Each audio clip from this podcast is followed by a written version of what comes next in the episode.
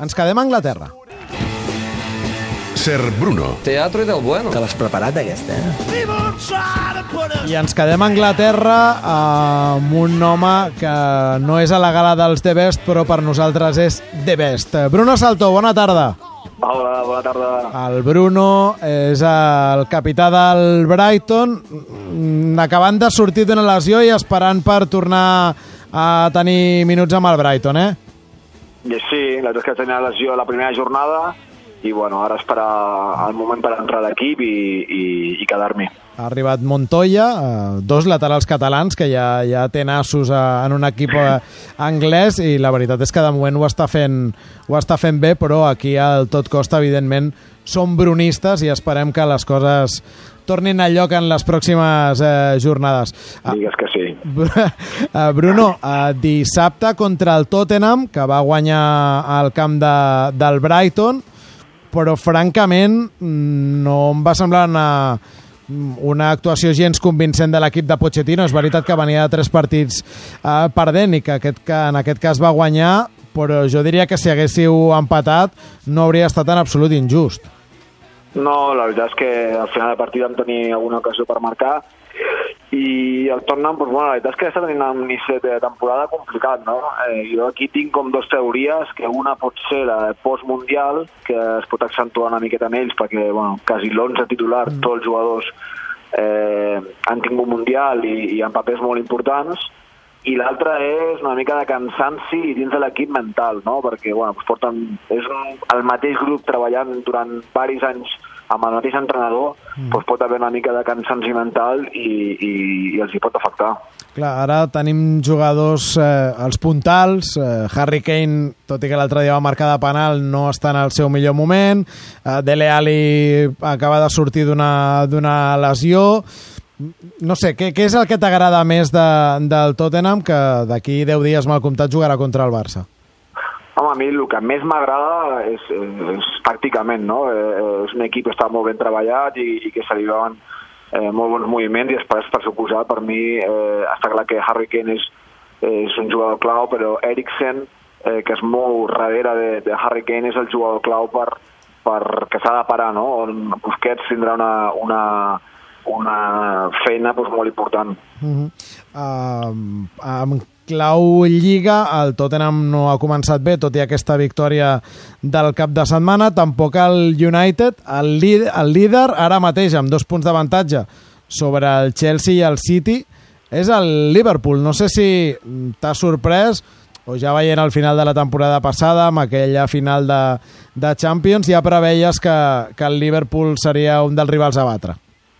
Sí, per suposar que es, es ve a venir i a pas s'han reforçat, no?, eh, amb, amb Keita, un jugador que ve d'una lliga alemana doncs, molt, molt competitiva també, Bueno, jo crec que serà entre Manchester City i Liverpool, no? encara que el Chelsea està, està encara que va, va empatar aquest cap de setmana, està en un gran moment també, eh, però Liverpool està jugant ja no molt, molt, molt bé, però està sent molt solvent, no? Eh, fort defensivament i, i marcar molts gols. Dissabte, per cert, aneu al, al camp del City. déu nhi quina, quina setmaneta us ha tocat. La, la setmaneta de rebaixes, saps? Tenim aquí complica, complicadilla, no? complicadilla la setmana, però bueno, eh, mai se sap, no? Està clar que, que el City, doncs mira, després del, de tenir mal resultat en Champions League, eh, va anar a camp de Cardiff i, i va fer 5, no? Llavors, doncs, bueno, eh, serà, serà un partit complicat i esperem a veure si podem treure alguna coseta. Mm. Uh, Bruno, acabo. Uh, aquest cap de setmana un company teu, el francès Antoni Nocaert, ha fet públic que en els últims mesos va, va travessar una depressió i ho ha, ho ha fet públic per, per uh, intentar ajudar que futbolistes que es troben en la mateixa situació doncs, eh, no tinguin por ni vergonya d'explicar de, el, el seu problema. I explicant el seu cas, diu que, que una de les eh, persones en qui, es va, en qui va buscar suport va ser en tu per, per eh, trobar la via cap a l'entrenador i, i canalitzar el seu problema. Com va anar això? Bueno, la veritat és que, que eh, va passar fa ja uns mesos eh, un xaval jove o quan bueno, se li mor el pare eh, de forma sobtada, eh, a cap dels mesos eh, passa per, per un divorci, llavors doncs, bueno, eh, van ser moments, moments, moments complicats per, per ell i, i nosaltres teníem, tenim una molt bona relació i bueno, doncs vam estar, eh, vaig estar al seu costat i com a equip també ens vam desplaçar quasi tot l'equip a l'enterro del seu pare a França eh, i com et deia, no, doncs, bueno, eh, a mi s'obria bastant dels seus sentiments, no? eh, eh, llavors doncs, bueno, intentar al seu costat, eh, apoyar-lo el màxim possible i eh, ficar-lo en, en mans de- d'especialistes de, de, que et puguin ajudar no? en, aquests, en aquests casos.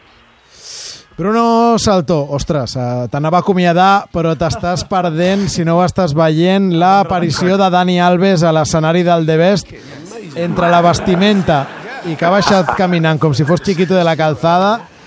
És un espectacle. Week, no? Es pensa que està a la Fashion Week. Ah, això mateix. Però, però digue'm, El pentinat també té tela, també t'ho haig de dir. Dit això, eh, recordem que està lesionat i el seu missatge, com sempre, és eh, molt positiu i molt ambiciós i això són de les coses que sé que se li han d'aplaudir a Dani Alves. mira, eh, eh, té, té moments frics, però estic segur que el Bruno és Dani Alvista. A tope. Ah, clar que sí. Bruno, 100%. Escolta'm, però aquesta americana, a veure si te la, si te la veiem algun dia.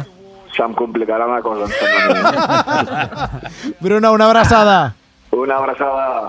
Uh, abans d'acomiadar-vos, Pere, Dani, no us preguntaré per l'americana d'Alves. No sé, heu seguit la trajectòria del Tottenham, però no sembla... El dia del sorteig vam pensar, ojo el Tottenham... estic d'acord amb dit el Bruno, o, o estan cansats, eh, té molts jugadors del Mundial, estan una mica farts de conèixer entre ells durant tant de temps. L'altre dia els vaig veure contra el Brighton, van jugar aquest cap de setmana, sí. i, i em, va, em va meravellar una cosa que fan a la televisió anglesa, que és que quan llença el penal al llançador eh, et diuen, Sí. ha tirat A- tants a tant- penals aquí, aquí, Gràficament aquí. t'ho ensenyen. Doncs Eh, el és porter del Brighton li haurien d'haver ensenyat el monitor Sí, perquè, perquè eren tres a la seva tots a un dreta costat. i un a l'esquerra i li va tirar a la dreta. Uh, com demanant un monitor per, per veure'l. Em va semblar espectacular, però el partit no és el Tottenham que, de l'any passat. Jo no el vaig veure el partit eh, del Brighton, sí que el vaig veure contra l'Inter, eh, després eh, han diferit el partit del grup del Barça de la Champions, i, ja, ja l'any passat no em semblava... És a dir, crec que n'hem fet un gramassa, sincerament. Va haver, hi havia un moment que Harry Kane semblava Maradona i que Pochettino eh, tenia totes les banquetes del món a la seva disposició. Jo crec que el vam exagerar i si això li sumes que, com ha explicat Ser Bruno, eh, gairebé tot l'11 del Tottenham va ser al Mundial, que Anglaterra, gairebé tota la selecció d'Anglaterra és el Tottenham, eh, doncs eh, segurament és un equip menys perillós aquest any que l'any passat. Dani, Pere, gràcies per ser-hi un dia més. A vos. Vosaltres...